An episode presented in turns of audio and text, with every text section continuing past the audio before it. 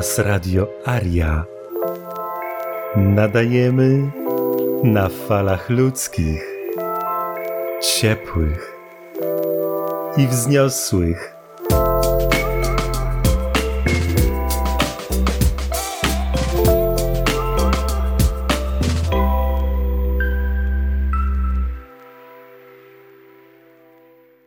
Rozdział czternasty.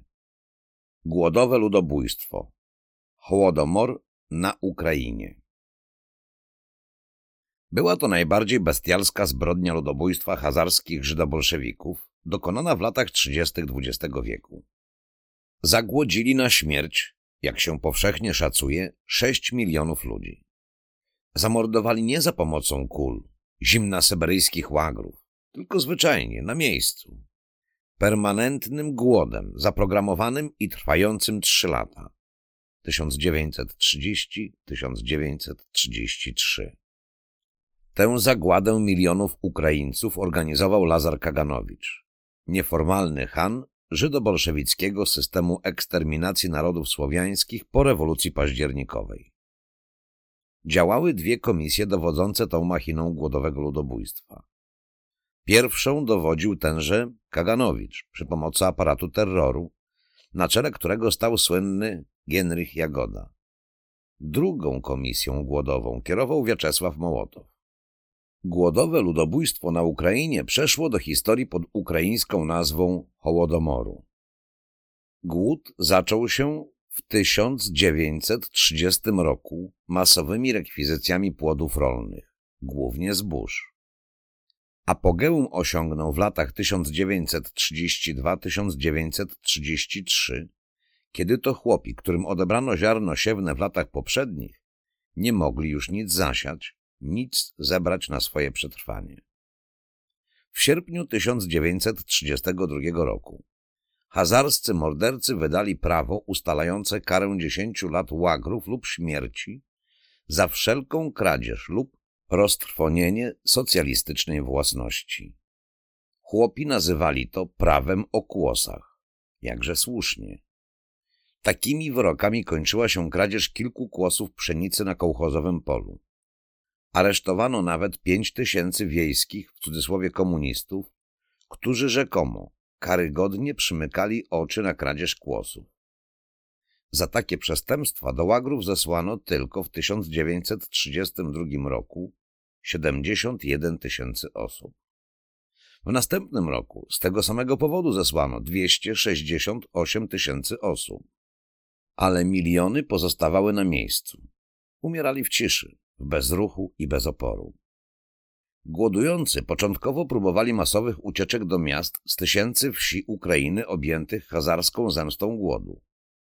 Żydobolszewicy wydali przeciwko tym eksodusom dekret o tak zwanych paszportach wewnętrznych i nakazie meldunku, co w praktyce oznaczało powrót do czasów wczesnego feudalizmu, pańszczyźniane przykucie chłopa do ziemi. Kaganowicz, Stalin i Mołotow wydali polecenie dla GPU, aby, cudzysłów, wszelkimi środkami uniemożliwić ucieczki chłopów z Ukrainy i północnego Kaukazu. W tym celu wstrzymano sprzedaż biletów kolejowych na tych terenach. Na drogach stanęły blokady złożone z bandytów GPU. W ciągu marca 1932 roku zatrzymano w ten sposób 21 900 uciekinierów. Zwycięskie hazarstwo najbardziej sadystycznie pastwiło się nad dziećmi. Oto raport konsula włoskiego z najbardziej głodujących regionów. Cytat. Od tygodnia zorganizowano służbę zatrzymującą głodujące dzieci. W istocie bowiem poza chłopami napływającymi do miast, gdyż na wsi nic nie mają, żadnych nadziei na przeżycie, są jeszcze dzieci przywożone tu przez rodziców, którzy po porzuceniu ich wracają, by umrzeć na wsi. Mają bowiem nadzieję, iż w mieście ktoś zaopiekuje się ich potomstwem.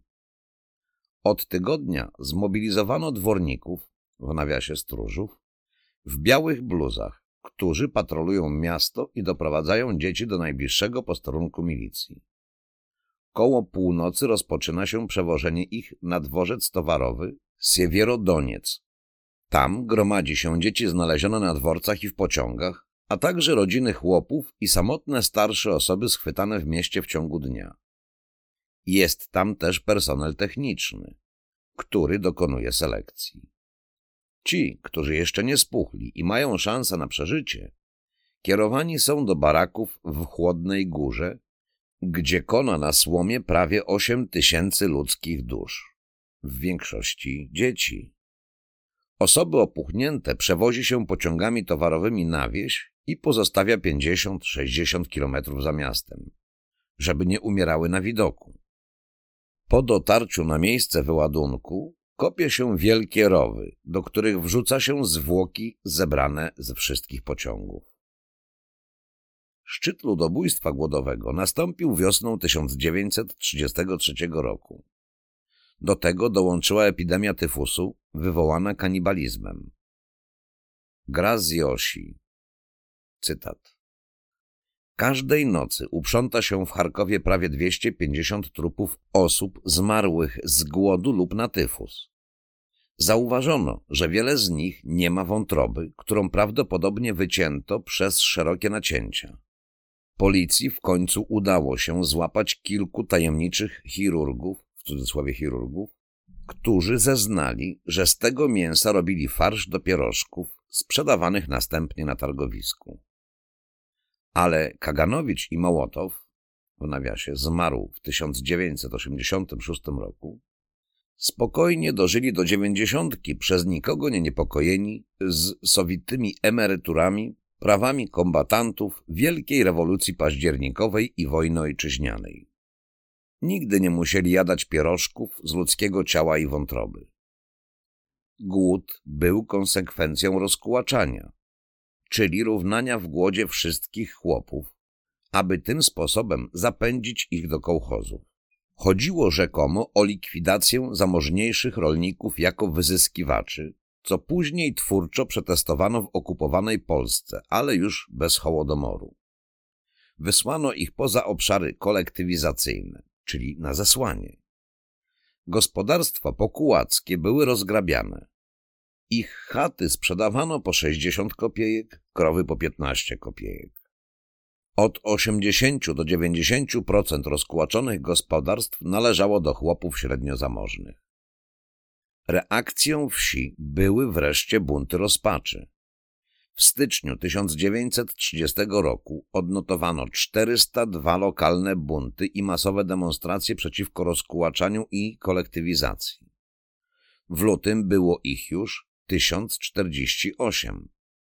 W marcu 6528. Jest to cytat z Czarnej Księgi Komunizmu, strona 150. Skutek był następujący.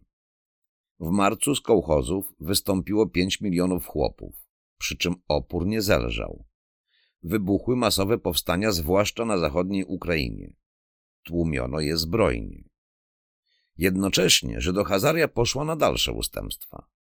Wysłano do lokalnych władz okulnik z nakazem spowolnienia tempa kolektywizacji. Pośrednio uwzględniali groźbę fal wojen chłopskich i fizycznego unicestwiania połowy lokalnych funkcjonariuszy władzy sowieckiej.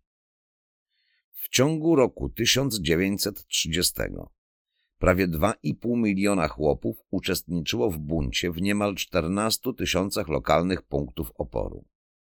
Najwięcej na żyznych ziemiach Ukrainy Zachodniej, a także na północnym Kaukazie. Ludobójcza machina przystąpiła do masowych zsyłek deportowano w ramach trzyletniego rozkłaczania milion osiemset tysięcy chłopów. Główny atak poszedł na czarnoziemy ukraińskie, które w czasach carskich zaopatrywały zachodnią Europę w połowę jej potrzeb zbożowych. Podobnie było w innych żyznych rejonach. Im bogatsze rejony, tym okrutniej je traktowano. W 1930 roku wydarli 30% całej produkcji rolnej z Ukrainy, 38% z bogatych obszarów Kubania i północnego Kaukazu, 33% z Kazachstanu. W roku następnym zbiory były znacznie gorsze, ale i tak wyduszono z tych obszarów odpowiednio po 41, 47 i 39%. Ruszyły wtedy tak zwane brygady szturmowe do odbierania chłopom zboża. W jednym ze sprawozdań instruktor Centralnego Komitetu Wykonawczego alarmował centralę. Cytat. Aresztuje i rekwiruje kto chce. Członkowie Wiejskiego Sowietu, wszelkiego rodzaju wysłannicy, członkowie brygad szturmowych lub byle konsomolec, który akurat się nie leni. W tym roku 12% rolników rejonu stanęło przed sądem, nie licząc zesłanych kułaków, chłopów ukaranych grzywnymi i tak. Michał Szołochow, sławny autor Cichego Donu, w kwietniu 1933 roku odważnie napisał drugi list do towarzysza Stalina. Cytat. Rejon Wieszczeński, podobnie jak wiele innych rejonów północnego Kaukazu, nie wykonał planu dostawy zboża nie z powodu jakiegoś kułackiego sabotażu, lecz z powodu złej organizacji tutejszego kierownictwa partii. W grudniu ubiegłego roku Rejonowy Komitet Partyjny przesłał w celu tzw. Tak przyspieszenia kampanii skupu pełnomocnika, towarzysza Owcinnikowa. Zastosował on następujące posunięcia. Pierwsze. Rekwizycję całego dostępnego zboża, w tym tzw. Tak zaliczki danej przez dyrekcję kołchozu kołchoźnikom na przyszłoroczne zasiewy. Drugie. Rozłożenie na wszystkie gospodarstwa dostaw, które każdy kołchoz winien był państwu. Jakie były rezultaty tych posunięć? Kiedy rozpoczęto rekwizycję, chłopi przystąpili do chowania i zakopywania zboża. Jakie były rezultaty tych wszystkich rekwizycji? Znaleziono 5930 kwintali zboża. A oto kilka metod zastosowanych do znalezienia tych 5930 kwintali zboża, z których część była zakopana od 1918 roku. Metoda chłodu. Rozbiera się kołchoźnika i nago wystawia na chłód w jakiejś szopie. Kołchoźników często wystawiano na chłód całymi brygadami. Metoda gorąca. Skrapla się stopy i brzegi sukien kołchoźnic naftą i podpala. Potem się je gasi i zaczyna od nowa. W kołchozie na Płowskim niejaki Plotkin, pełnomocnik Komitetu Rejonowego, zmuszał przesłuchiwanych kołchoźników do kładzenia się na rozgrzanym do białości piecyku, a następnie ich ochładzał, zamykając nago w szopie. W kołchozie lebieżeńskim ustawiano kołchoźników pod murem i symulowano egzekucję. Mógłbym bez końca mnożyć podobne przykłady. To nie są nadużycia. Nie. To jest stała metoda skupu zboża.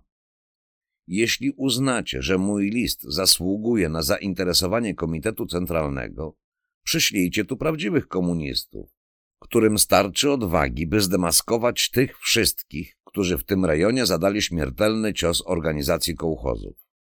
Jesteście naszą jedyną nadzieją. Wasz Michaił. Jedyna nadzieja odpisał. Drogi towarzyszu Szołochow, widzicie tylko jedną stronę medalu i widzicie ją nieźle. Ale to tylko jedna strona rzeczy. Aby nie pomylić się w polityce, a wasze listy to nie literatura, lecz czysta polityka, trzeba umieć widzieć także drugą stronę rzeczywistości. A ta druga strona jest taka, że szanowni rolnicy z waszego rejonu, i nie tylko z waszego, strajkowali, dokonywali sabotażu i byli gotowi pozostawić robotników i żołnierzy Armii Czerwonej bez chleba. Do widzenia. Wszystkiego dobrego, ściskam dłoń. Wasz Stalin. Szołochow już nie ryzykował kolejnego listu. Przed głodem lat 1930-1933 był głód w Rosji z lat 1919-1922. Głodowe ludobójstwo na Rosjanach zaczęło się tak samo jak 10 lat później na Ukrainie. od masowych rekwizycji i zsyłek. W 1919 roku rozpoczęło się bezlitosne poszukiwanie nadwyżek zbożowych. Liczbie rekwizycji odpowiadał proporcjonalny wzrost chłopskich powstań. Do tego doszła masowa dezercja żołnierzy z Armii Czerwonej. Odpowiedzią były pacyfikacje buntów kułackich. Od października do listopada 1918 roku wybuchły w 12 guberniach sowieckiej Żydobolszewi 44 bunty. Do końca 1920 roku i połowę 1921 ruch chłopski duszony także na Ukrainie, nad Donem i na Kubaniu osiągnął szczyt na skutek wielkiego powstania chłopskiego w guberniach tambowskiej, penzańskiej, samarskiej, saratowskiej i carycyńskiej. Pierwsze prawdziwe powstanie chłopskie z marca 1919 roku wybuchło w bogatej, żyznej guberni samarskiej i symbirskiej.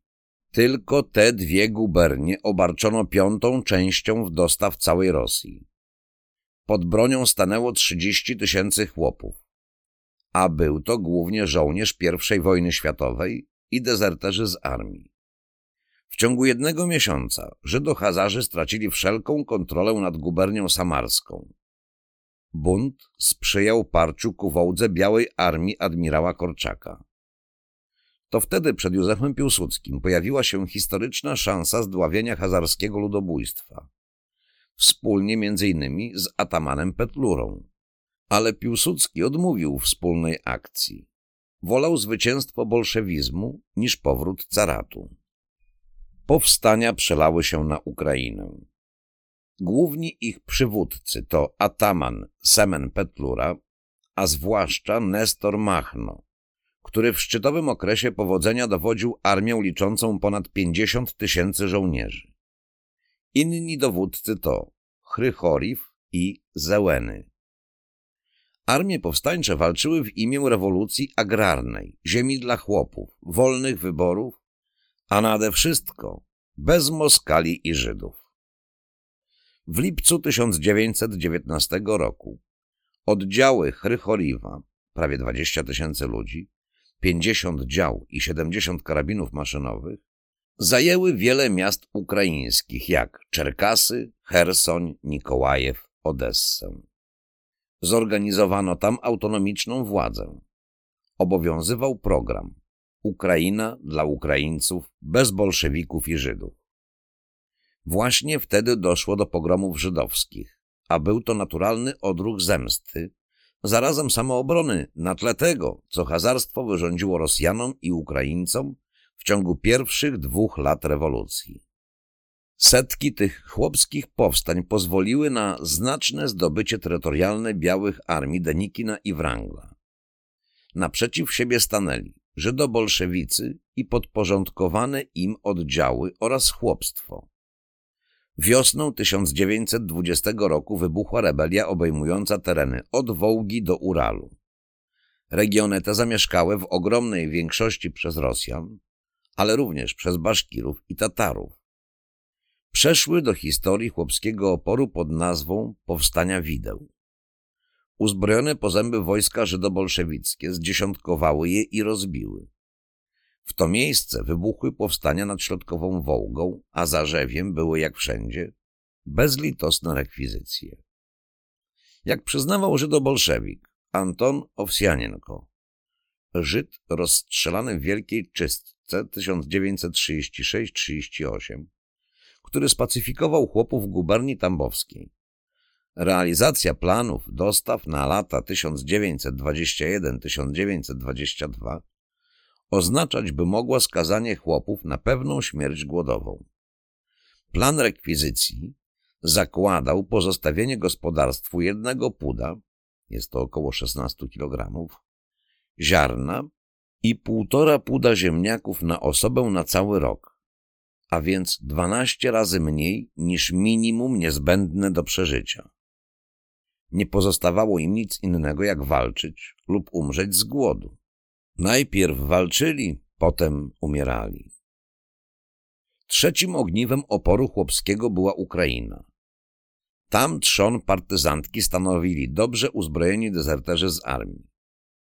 Latem 1920 roku armia Machny miała jeszcze pod bronią kilkanaście tysięcy żołnierzy, pół tysiąca kawalerii, sto karabinów maszynowych.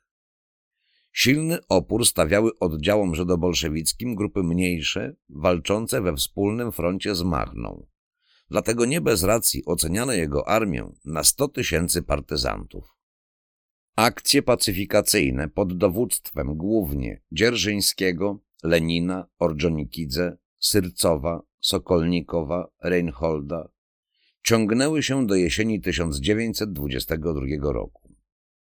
Rozkłaczaniu towarzyszyło rozkozaczanie. Zastosowano pionierską zasadę odpowiedzialności zbiorowej i od razu na skalę ludobójczą. Sami żydobolszewicy nazywali to sowiecką Wandeą. Wandea ma odnośnik, więc czytamy. Bohaterski katolicki rejon podczas rewolucji antyfrancuskiej 1789 roku, który spontanicznie chwycił z, za broń, głównie za widły. Niemal doszczętnie wymordowany. Kozackim powstaniem dowodził ataman Krasnow, którego oddziały dołączyły do działającej na południu Rosji Białej Gwardii. W ciągu kilku tygodni żydobolszewicy wymordowali tam ponad 8 tysięcy kozaków. Nawet żydobolszewik Reinhold przyznał, iż polityka masowej eksterminacji kozaków prowadzona była bez najmniejszego rozróżnienia. Pierwsze powstania kozackie wybuchły w stanicy Wieszeńskiej, w której Michaił Szołochow umiejscowi akcję i głównych bohaterów Cichego Donu. Powstanie szybko rozlało się na tyły Armii Czerwonej. Połączyło się ze sprzymierzonymi kozakami kubańskimi pod wodzą admirała Denikina, a powstańcy z Naddonu przyspieszyli marsz białych wojsk w maju i czerwcu 1919 roku. W czerwcu kozacy dońscy przyłączyli się do głównych formacji białych wspieranych przez kozaków kubańskich. Żydo-Bolszewia stanęła przed śmiertelnym niebezpieczeństwem. Powstanie nazwano potem kozacką Wandeą. Została ona na krótko uwolniona od znienawidzonych Moskali, Żydów i bolszewików. W lipcu 1920 roku powstańcze oddziały liczyły nad Donem i Kubaniem 35 tysięcy żołnierzy. Dzięki nim zablokowany na Krymie generał Wrangiel wyrwał się z bolszewickich kleszczy. Połączył z kozakami i tak zwanymi zielonymi partyzantami z Kubania. Wobec tak połączonych sił żydobolszewicy musieli wycofać się z Kubania, Jekaterynodaru i całego regionu. Tymczasem generał Wrangiel posuwał się dalej na południowej Ukrainie. Ale parcie to zostało powstrzymane głównie dlatego, że jego armia była obciążona wielkimi kolumnami cywilów uchodzących z nimi przed rzezią Żydohazarów. Zostały one okrążone i musiały wracać na Krym. Bolszewicy ponownie zdobyli ten półwysep. Zamordowali bestialsko ponad 50 tysięcy osób, głównie z ludności cywilnej. Teraz dopiero Żydohazarzy pokazali, na co ich stać w ramach realizacji ich odwiecznej nekamy, nienawiści do gojów. Rozpoczęło się ludobójcze rozkazaczanie. Skazano na śmierć sześć tysięcy osób. Ich rodziny w ramach odpowiedzialności zbiorowej umieszczono w prekursorskich obozach koncentracyjnych. Przyznawał to w swoich sprawozdaniach wyjątkowo bestialski Żyd, Martyn Łacis, szef ukraińskiej czeka. Cytat. Zakładnicy zebrani w obozie koło Majkopu, kobiety, dzieci i starcy, żyją w straszliwych warunkach, w błocie i październikowym chłodzie.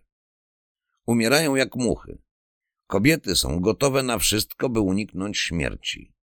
Korzystają z tego pilnująco obozu żołnierze, którzy handlują tymi kobietami. Wyznaczono limity osób do rozstrzeliwania w miastach. W Piacigorsku jednego dnia rozstrzelano 300 osób. W Kisłowsku z braku aresztowanych do pełnego limitu rozstrzelano wszystkich pacjentów miejscowego szpitala. Sergo Ordzionikidze, wtedy przewodniczący Komitetu Rewolucyjnego Północnego Kaukazu rozkazał 1. Spalić całkowicie stanicę kalinowską. 2. Usunąć wszystkich mieszkańców ze stanicy Jermołowskiej, Romanowskiej, Samaszkińskiej i Michajłowskiej. Domy i ziemie należące do mieszkańców rozdać biednym chłopom, a zwłaszcza Czeczenom, którzy zawsze okazywali głębokie przywiązanie do władzy sowieckiej. 3. Załadować na transporty wszystkich mężczyzn wspomnianych osad od 18 do 50 roku życia i wysłać ich pod eskortą na północ, na katorgę. 4.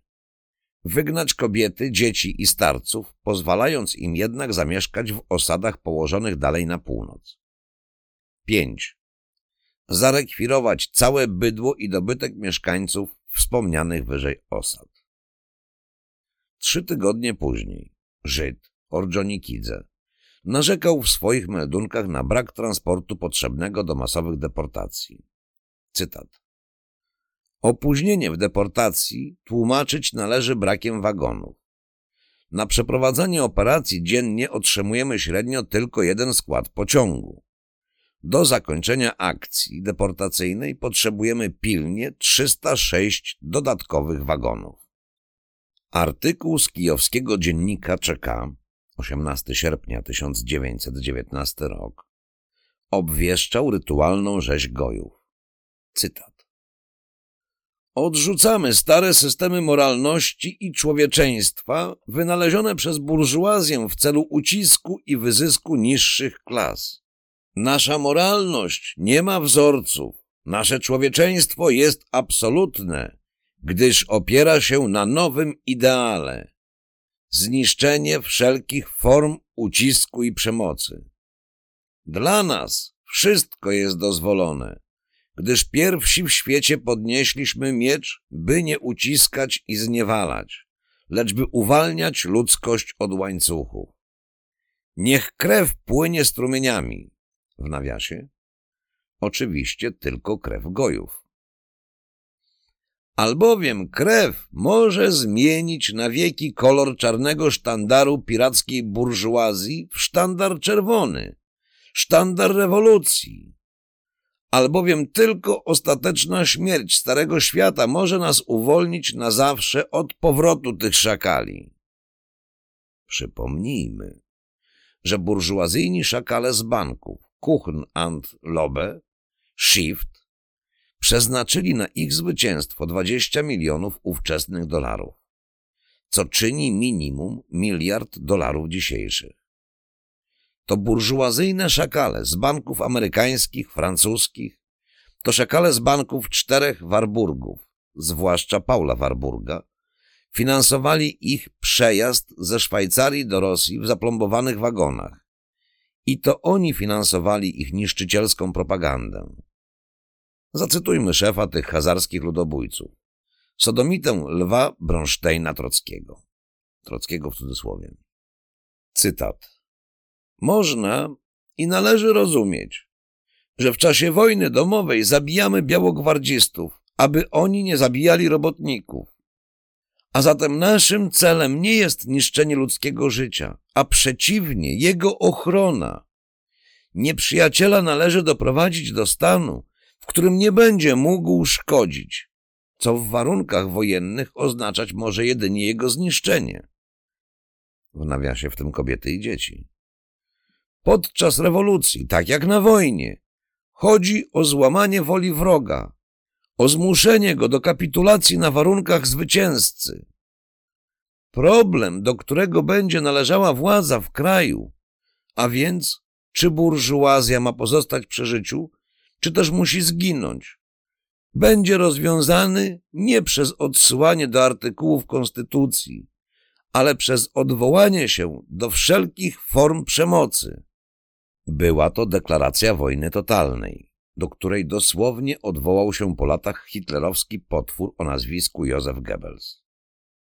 70 lat później Ernst Nolte opublikował we Frankfurter Allgemeine Zeitung 6 czerwca 1986 roku artykuł nawiązujący porównawczo do zbrodni ludobójstwa III Rzeszy i ludobójstwa komunistycznego, czyli żydowskiego. Cytat. Czerwony terror wedle liczby ofiar okazał się daleko gorszy niż biały. Jeżeli przynależność klasowa jako taka zasługiwała według publicznych deklaracji na śmierć, jeżeli Lenin domagał się oczyszczenia ziemi rosyjskiej z psów i wieprzów obumierającej burżuazji, jeżeli Zynowiew z zimną krwią projektował wytępienie dziesięciu milionów ludzi, musiało to wywołać daleko większą zgrozę niż rozstrzeliwanie jeńców przez białych. W latach 1989-1990 rozgorzała na Zachodzie polemika na temat zbrodni faszyzmu i komunizmu. Zwolennicy tzw. Tak mniejszego zła, czyli ludobójstwa żydobolszewickiego, powoływali się na Holokaust Żydów jako na najwyższą formę ludobójczego, rasistowskiego zwyrodnienia, niedoścignioną, niepodlegającą żadnym porównaniom. Opcja ta przeżywa do dziś. Nikt z tych tak zwanych burżuazyjnych psów i wieprzów nie może się powołać na niepowtarzalny charakter ludobójstwa żydobolszewickiego, na hazarską rzeź narodu słowiańskiego, chrześcijańskiej Rosji.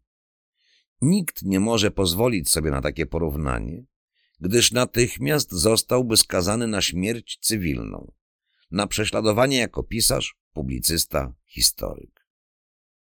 W konwencji Organizacji Narodów Zjednoczonych z 9 grudnia 1948 roku stwierdzono, cytat, w rozumieniu konwencji ludobójstwem jest którykolwiek z następujących czynów dokonany w zamiarze zniszczenia w całości lub części grup narodowych, etnicznych, rasowych lub religijnych jako takich. A. Zabójstwa członków grupy. B. Spowodowanie poważnego uszkodzenia ciała lub rozstroju psychicznego zdrowia członków grupy. C. Rozmyślne stworzenie dla członków grupy warunków życia obliczonych na spowodowanie ich całkowitego lub częściowego zniszczenia fizycznego. D. Stosowanie środków, które mają na celu wstrzymanie urodzin w obrębie grupy. E przymusowe przekazywanie dzieci członków grupy innej grupie. Zapis ten powstał wtedy wyłącznie pod zbrodnie hitlerowskie. A co ze zbrodniami komunistycznymi, czyli żydobolszewickimi? Nic. Nie mogła przecież żydomasońska ONZ utożsamiać ludobójstwa w wykonaniu swoich starszych braci w imperium szatana z ludobójstwem nazistowskim a definicja ludobójstwa narzucała się z samych liczb. Czyżby 66 milionów ofiar żydobolszewi dotknęło samych burżuazyjnych psów i wieprzów?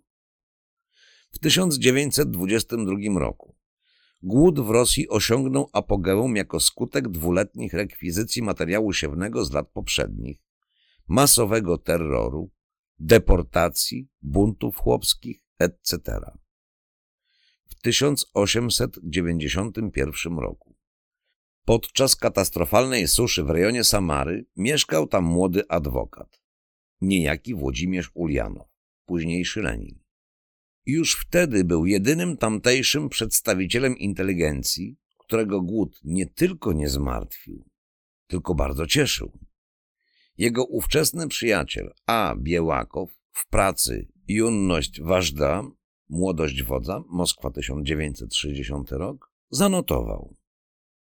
Włodzimierz Ilicz Lenin Ulianow miał odwagę otwarcie oświadczyć, iż głód niesie wiele konsekwencji pozytywnych, takich jak pojawienie się proletariatu przemysłowego, grabarza burżuazyjnego porządku.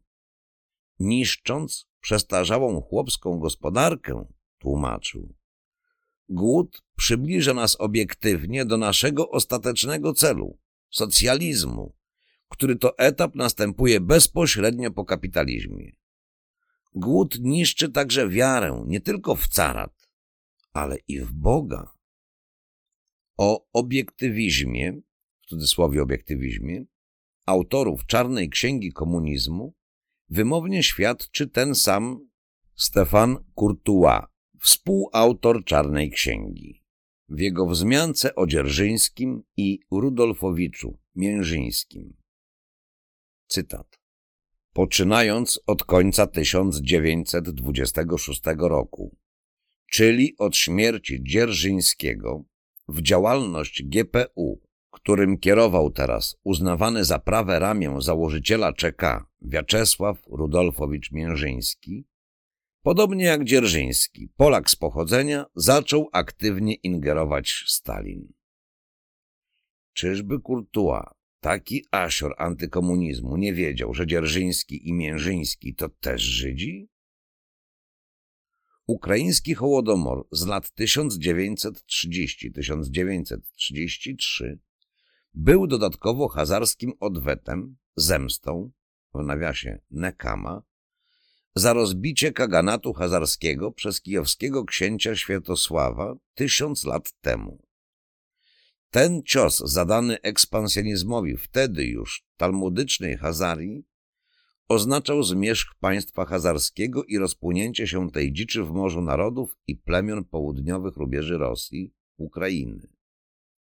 Dlatego właśnie kijowski książę Światosław jest wielkim bohaterem narodowym Ukrainy. W 2008 roku w Białogorodzie uroczyście odsłonięto jego pomnik autorstwa artysty rzeźbiarza Wiaczesława Kłykowa. Odsłonięcia dokonano z okazji 1040. rocznicy pogromu kaganatu hazarskiego przez wojska księcia Światosława. Wiaczesław Kłykow przedstawił księcia na koniu, miażdżącego końskimi kopytami hazarskiego wojownika, który w lewym ramieniu trzyma tarczę z gwiazdą Dawida. Jak na to zareagowali Żydohazarzy? Zgodnie z oczekiwaniami.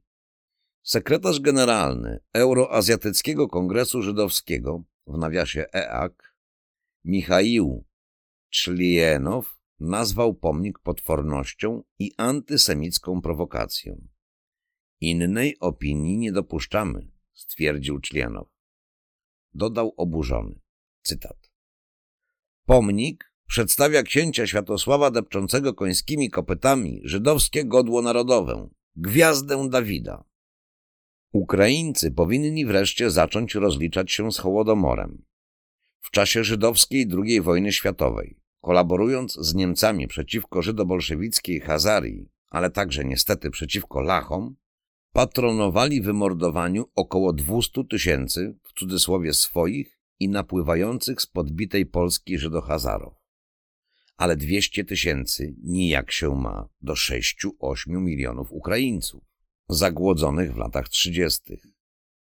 Po wejściu Niemców na Ukrainę Zachodnią i dalej bestialsko wymordowali także około 150 tysięcy Lachich z okrucieństwem dokładnie wpisującym się w sadyzm hazarskich mordów w Hersonie i innych rejonach Rosji. Ich ówczesne hasło to ryzaty Lachiw i Jewrejiw. Nie pamiętali, że ta zachodnia część przyszłej Ukrainy znajdująca się w granicach Polski międzywojennej tylko dlatego uniknęła Hołodomoru. Ile ukraińskich istnień ocalało dzięki temu? W proporcji do tych 6-8 milionów chyba około 3-4. Ocalało także kilka tysięcy Żydów i Ukraińców z komunistycznej partii zachodniej Ukrainy, którzy uniknęli stalinowskich egzekucji i zsyłek do łagrów. Potem ta żydohazarska KPZU dostarczyła nam po wojnie kilka tysięcy wyjątkowo antypolskich Żydów ukraińskich, którzy gęsto rozsiedlili się na decydujących stanowiskach w UB, MO, informacji wojskowej, w PZPR i administracji. Rachunek krzywd i zbrodni wciąż czeka na podsumowanie. Sekta Chabat Lubawicz ma się na Ukrainie znakomicie, jak u siebie i na swoim. Żydzi zdominowali kluczowe stanowiska w państwie, administracji, bankowości, przemyśle, zwłaszcza paliwowym. Teraz hazarstwo ukraińsko-polskie kombinuje, jak pchnąć do walki Polaków i Ukraińców. Podpowiadam. I obym się mylił, że wkrótce pojawi się idea zwrotu Polsce rejonu Lwowa i może całej przedwojennej zachodniej Ukrainy. Wtedy dopiero się zakotłuje.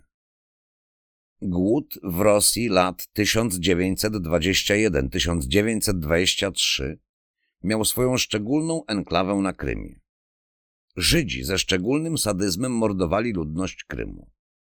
Zemsta za zbrojny opór powstań była tylko częścią tego ludobójstwa i jego okrucieństwa. Hazarstwo chciało oczyścić te atrakcyjne tereny z gojów pod planowaną Republikę Żydowską.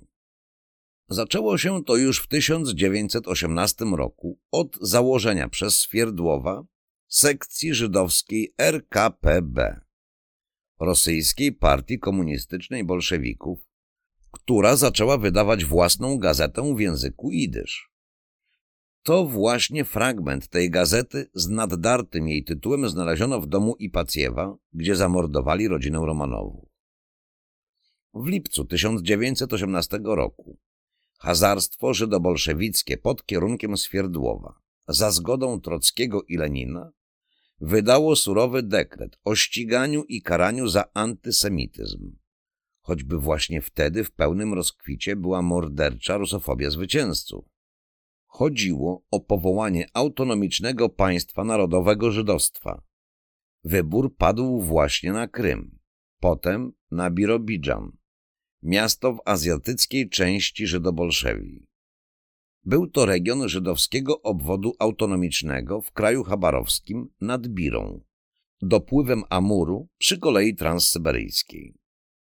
Założono tę autonomię w 1928 roku na miejscu osady Tichonka, które w 1937 roku zyskało status miasta, a w latach 90. XX wieku osiągnęło 82 tysiące mieszkańców. Tak birobidżańska, jak i krymska autonomia czy państwo neohazarskie nie miały szans okrzepnięcia z bardzo prozaicznego powodu. Żydzi nie są zdolni do pracy na roli, do wszelkiej pracy fizycznej. Swego czasu Henry Ford, który pisał książkę Międzynarodowy Żyd, ogłosił w prasie, że wyłoży tysiąc dolarów nagrody. Dziś można by powiedzieć, że będzie to sto tysięcy. Temu, kto wskaże mu jakiegoś autentycznego żydowskiego farmera. Takowego nie znaleziono w całej Ameryce.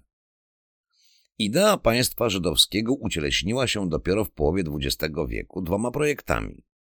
Pierwszy to zabór ziem palestyńskich ich prawowitym właścicielom, przy tym prawdziwym Semitom, Palestyńczykom, którzy nigdy w swojej historii nie wałęsali się po świecie i pozostawali zwartą etniczną nacją Semitów. Tak zwana deklaracja Lorda Belfora, w nawiasie Żyd, powołała państwo Izrael na ziemiach Palestyny z katastrofalnym, w nawiasie ludobójczym skutkiem dla Palestyńczyków. Drugi projekt był równie groteskowy w skutkach. Jego zagorzałym zwolennikiem był kijowski milioner Lazar Brocki oparł swoją ideę państwa żydowskiego na założeniu, że państwo żydowskie powinno powstać tam, gdzie zamieszkuje dużo Żydów, gdzie im się dobrze powodzi lub może się dobrze w przyszłości powodzić. Takim rejonem mogło być tylko południe Rosji. Po pierwszej żydowskiej wojnie światowej z cywilizacją chrześcijańską plany były jeszcze mgliste. Do deklaracji Belfora było bardzo daleko. Potrzebna była jeszcze druga żydowska wojna światowa. Własny projekt państwa żydowskiego zgłosili Niemcy, optując za założeniem takiego państwa na Madagaskarze. Czysta utopia. Pozostało z tego modne do dziś antysemickie zawołanie. Żydzi na Madagaskar.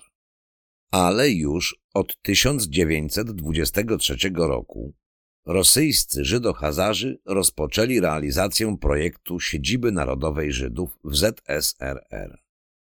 Co więcej, inicjatywa wyszła z USA, z organizacji społecznej o nazwie jakże konkretnej Joint Distribution Committee. Jej przewodniczącym został dobrze nam znany już Felix Warburg z czteroosobowego gangu międzynarodówki finansowej. Felix Warburg pomagał także zakładać państwo w Palestynie. To on również przeprowadził rozmowy z żydobolszewickim rządem w sprawie ustanowienia żydowskiej kolonii na Krymie. Pierwotnie mówiono o kilkuset burżujach żydowskich, burżujach w cudzysłowie, których trzeba poddać reedukacji, a raczej resocjalizacji pod kątem robotniczym. Projektem kierował w Żydobolszewi dr Rosen. Korespondentowi żydowskiej agencji telegraficznej w Warszawie oznajmił. Cytat. Najbardziej odpowiedni dla Żydów teren znajduje się w pobliżu Odessy i Pietrowska. Rząd sowiecki chce go oddać bezpłatnie, o ile Żydzi zgodzą się tam pracować na roli. Trzysta rodzin żydowskich, które się tam osiedliły, uważają warunki za bardzo dodatnie. Są tam wolne grunta dawnej arystokracji rosyjskiej, w nawiasie, wymordowanej przez Żydohazarów, ciągnące się na przestrzeni wielu tysięcy morgów. W czasie wojny i lat głodowych masa osób wymarła na półwyspie. Klimat jest bardzo odpowiedni dla pracy rolnej. Poza tym Krym posiada wyjątkowe naturalne porty i źródła. Gdyby ten olbrzymi plan udał się, byłby to nie tylko postęp ekonomiczny, ale i wielki triumf polityczny. Żydowska agencja pisała radośnie. W dniu 16 kwietnia 1924 roku odbyło się w Moskwie zebranie znanych osobistości żydowskich, na którym rozważana była sprawa żydowskiej kolonizacji na Krymie. Jednogłośnie podjęta została uchwała, by jak najprędzej urzeczywistnić odnośny plan kolonizacji. Poza tym uchwalono wydać odezwę do Żydów na całym świecie w sprawie poparcia tego planu. Ten projekt raju dla Elizdy Hazarskiej został szybko porzucony na rzecz prawdziwej autonomii o szerokich granicach. Prowodyrem był Żyd Warin Lurie. Wysunął on projekt założenia na Krymie narodowej autonomii żydowskiej z koniecznością deportacji resztek niedobitków kozaków krymskich i zasiedlenia przez 280 tysięcy Żydów. W listopadzie 1923 roku zwolennik i poplecznik Swierdłowa, Bryagin, przedstawił jeszcze bardziej ambitny projekt. Proponował inkorporację do tej autonomii jeszcze dodatkowo stepy Ukrainy, terenów wokół Morza Azowskiego, Kubania i wybrzeży Morza Czarnego, aż do Abchazji. W istocie był to projekt Hazarii II. Po tej pierwszej, rozbitej ponad tysiąc lat przedtem przez księcia Świętopełka Kijowskiego. Naturalnie plan został bez zastrzeżeń poparty przez dwóch głównych rzeźników Rosjan – sodomitów Trockiego i Lenina, który wtedy już był chory i coraz mniej liczył się w grach żydobolszewickiego gangu. Ale popierali plany inni arcyważni Żydzi. Kamieniew, Bucharin, Czuraga i inni. Mając takich popleczników, plan został poparty w lutym 1924 roku przez większość członków Politbiura a 23 sierpnia 1924 roku został pozytywnie rozpatrzony przez Prezydium Centralnego Komitetu Wykonawczego ZSRR. Pojawiły się interesujące liczby. Okazało się, że tylko 300 tysięcy Żydów rosyjskich należało wtedy do związków zawodowych. To eufemizm, że były to związki zawodowe. Pod taką nazwą kryło się tylko 300 tysięcy żydowskich robotników i urzędników. Z rodzinami mogło to być około 800 tysięcy. Oznaczało to, że reszta z około 4 milionów rosyjskich Żydohazarów to elita ponadrobotnicza i ponadurzędnicza. Naliczono tylko 130 tysięcy żydowskich rolników rolników w cudzysłowie, co oznacza, że Ford przegrałby z Kretesem swój zakład, gdyby chciał się doliczyć jakiegoś Żyda rolnika w ZSRR. Ponadto 750 tysięcy Żydów to drobni handlowcy, rzemieślnicy, pracownicy sektora usług, etc. W związku z ustaleniem tej oczywistej awersji Żydów do pracy fizycznej, Centralny Komitet Wykonawczy uznał, że taka struktura społeczna rosyjskiego żydostwa zupełnie nie przystaje do ustroju sowieckiego, jeżeli więc nie podejmuje się natychmiastowych działań na rzecz przesuwania żydostwa do strefy produkcyjnej, to jest ono skazane na wymarcie i degenerację. Nie jest jasne, skąd wziął się taki wniosek w sprawie tej reorientacji zawodowej żydowskich nierobów. Wszelako był on wręcz rewolucyjny. Struktura socjalno-zawodowa rosyjskiego Żydo-Hazara skłaniała do energicznych działań. Podjęto więc decyzję o masowym przesiedleniu na Krym Żydów z małych miast i miasteczek zachodniej części ZSRR. W tym celu utworzono dwa centra zarządzające. Tak zwany KOMZ, Komitet do Spraw Rolniczego Urządzania Żydowskich Robotników z szefem Smidowiczem oraz tak zwany OZ, Społeczny Komitet do Spraw Rolnych Urządzania Robotników Żydowskich z szefem Warinem. Ciekawe, choć niezaskakujące było to, że głównymi sponsorami projektu byli Amerykanie, Amerykanie w cudzysłowie. Na zachodzie plan ten otrzymał nazwę AgroJoint. Felix Warburg zawarł kilka umów w sprawie założenia takiej żydowskiej kolonii. Projekt został poparty przez jego brata, Paula Warburga, Fundację Rockefellera i liczne organizacje charytatywne. Charytatywne w cudzysłowie. Jednocześnie w USA uchwalono tzw. Tak prawo Rida Johnsona ograniczające imigrację Żydów do USA. To także zrozumiała zapora. Ameryka była nieskończenie bardziej atrakcyjna niż piaski i kamienie Palestyny, czy nawet Krym. Wprawdzie klimatycznie korzystny, ale straszliwie spustoszony przez wojnę domową z kozactwem krymskim i nie tylko. Konieczne było więc zamknięcie Żydom głównego kierunku emigracji, jakim była Ameryka.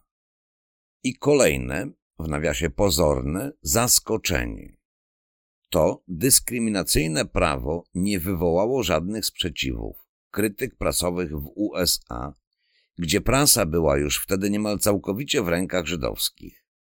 Co więcej, owe media, czyli prasa i radio, wcale nie poruszały tematu prześladowań żydowskich rabinów w żydobolszewickiej Rosji. Bo takowe prześladowania miały tam miejsce na fali totalnej wojny żydostwa z religiami. Krym mógł być zresztą znacznie wcześniej przygotowywany do roli Hazarii II. Nieoficjalnie ten projekt nazwano Hazarską Republiką. Oficjalnie jednak, z oczywistych powodów, nie mógł obowiązywać w tym brzmieniu, bo żydostwo, mimo skutecznego podboju Rosji, nie mogło być jeszcze pewne, czy nie pojawi się na zasadzie rekontry jakiś świętopełek II. Kiedy więc armia krwawo-czerwona pobiła armię generała Wrangla na Krymie, Żydzi urządzili tam straszliwą rzeź, opisaną przez nas w jakże niepełnych szczegółach niewyobrażalną sadystyczną masakrę, która nie miała odpowiednika w najokropniejszych wydarzeniach porewolucyjnej wojny domowej. Zimą 1920-1921 roku do tych rzezi dołączyli głód zorganizowany równie bezlitośnie. Oddziały rekwizycyjne masowo wywoziły z Krymu wszelkie artykuły żywnościowe, a blokady na podejściach morskich do Krymu uniemożliwiły dostawy żywności z zewnątrz drogą morską. Eksterminacja miejscowej ludności miała tam konkretny cel. Doprowadzić do tego, aby Żydzi zostali całkowicie dominującą grupą etniczną na Krymie. Warin ogłosił, że trzeba tak przetrzebiony rejon Krymu zasiedlić około 600 tysiącami Żydów a my zauważamy, że liczba ta, na czele z cyfrą 6, jest kluczową liczbą w kabalistycznej poetyce cierpień narodu żydowskiego. Rzekome 6 milionów Żydów pomordowanych w Holokauście. To zwieńczenie tej mistycznej symboliki. Czy deklaracja Warina spełniała oczekiwania Żydów? Sądząc po ich odezwie, raczej nie. Dawno już zapuścili korzenie na Białorusi i Ukrainie. Otrzymali szansę na swoje odwieczne włóczęgostwo wraz z prawem o granicy osiedlenia. Odtąd mogli osiadać w Piotrogrodzie, Moskwie i innych dużych aglomeracjach Rosji. I oto okazało się, że sami Żydobolszewicy, ich współbracia, zaczęli ich odrywać od miejsca zamieszkania, przewozić na nowe, nieznane, gdzie musieliby wszystko zaczynać od początku z niepewnym widokiem na przyszłość. Nadto twardy opór stawiała jeszcze krymska autonomia Tatarów, zarażona ideami nacjonalizmu i tak zwanego panturkizmem. Władze tatarskiej autonomii słały skargi do Moskwy. Ta jednak zawsze stała po stronie Republiki Hazarskiej. W rezultacie, kiedy przewodniczący Centralnego Komitetu Wykonawczego Krymskiej ASSR, Wielki Ibragimow, przyjechał w tej sprawie do Moskwy, został aresztowany przez OGPU, oskarżony o ukrywanie bandytów i stracony. Następnie we właściwy sposób oczyszczono także najbliższe otoczenie. Rozstrzelano w sumie 132 ważnych, aktywnych przeciwników żydowskiej autonomii z oskarżenia o poglądy nacjonalistyczne i kontrrewolucyjny spisek. Potężny napływ inwestycji zagranicznych nie stanowił problemu dla okrzepnięcia autonomii. Nie było problemów materialnych dla realizacji projektu. Podobnie nie istniały żadne problemy natury politycznej. Wszak hazarscy patroni zajmowali najwyższe stanowiska w ZSRR. Projekt jednak został zaprzepaszczony przez prostych Żydów, którzy najwyraźniej nie chcieli, bo nie potrzebowali Hazarskiej Republiki. Przesiedleni Żydzi ani myśleli uprawiać ziemi. Wielu z nich szybko opuściło Hazarską Republikę, przenosząc się do centrum kraju. Rozjeżdżali się do miast, podejmując tam ich plemienne zajęcia handel, krawiectwo, jubilerstwo i tym podobne. W rezultacie na początku stycznia 1932 roku na Krymie mieszkało już tylko 49 100 Żydów. Na wsi pozostało jedynie 10 400 i nawet ci starali się zostać księgowymi, nauczycielami, sprzedawcami w wiejskich sklepach i tym podobne. Wszystkim, tylko nie rolnikami. Projekt sowieckiej Hazarii zmarł śmiercią naturalną. Autorem opracowania o Republice Hazarskiej, z którego tu korzystaliśmy, jest Aleksander Samsonow. Szerszy kontekst Republiki Hazarskiej można znaleźć w następujących źródłach. Szambarow, Antisawietcina, Moskwa 2011 rok. Szambarowa już coś tłumaczyliśmy i słuchaliśmy wspólnie. Żywachow, Jewryjska rewolucja, Moskwa 2006. Ostatecznie jednak Żydom udało się stworzyć Hazarską Republikę. Ale dopiero po II żydowskiej wojnie światowej powstała w Palestynie. Stworzyli także drugą. Gdzie? W Polsce. Istnieje ona od 1945 roku, a więc już 65 lat i ma się coraz mocniej. Niewielu czytelników w to uwierzy. Wielu nazwie tę ponurą prawdę antysemicką prowokacją. Drugi tom tej pracy wprawi w konfuzję niejednego z wątpiących w istnienie tej Judeopolonii. Koniec rozdziału. Następny rozdział Komunizm a Żydzi w Rosji.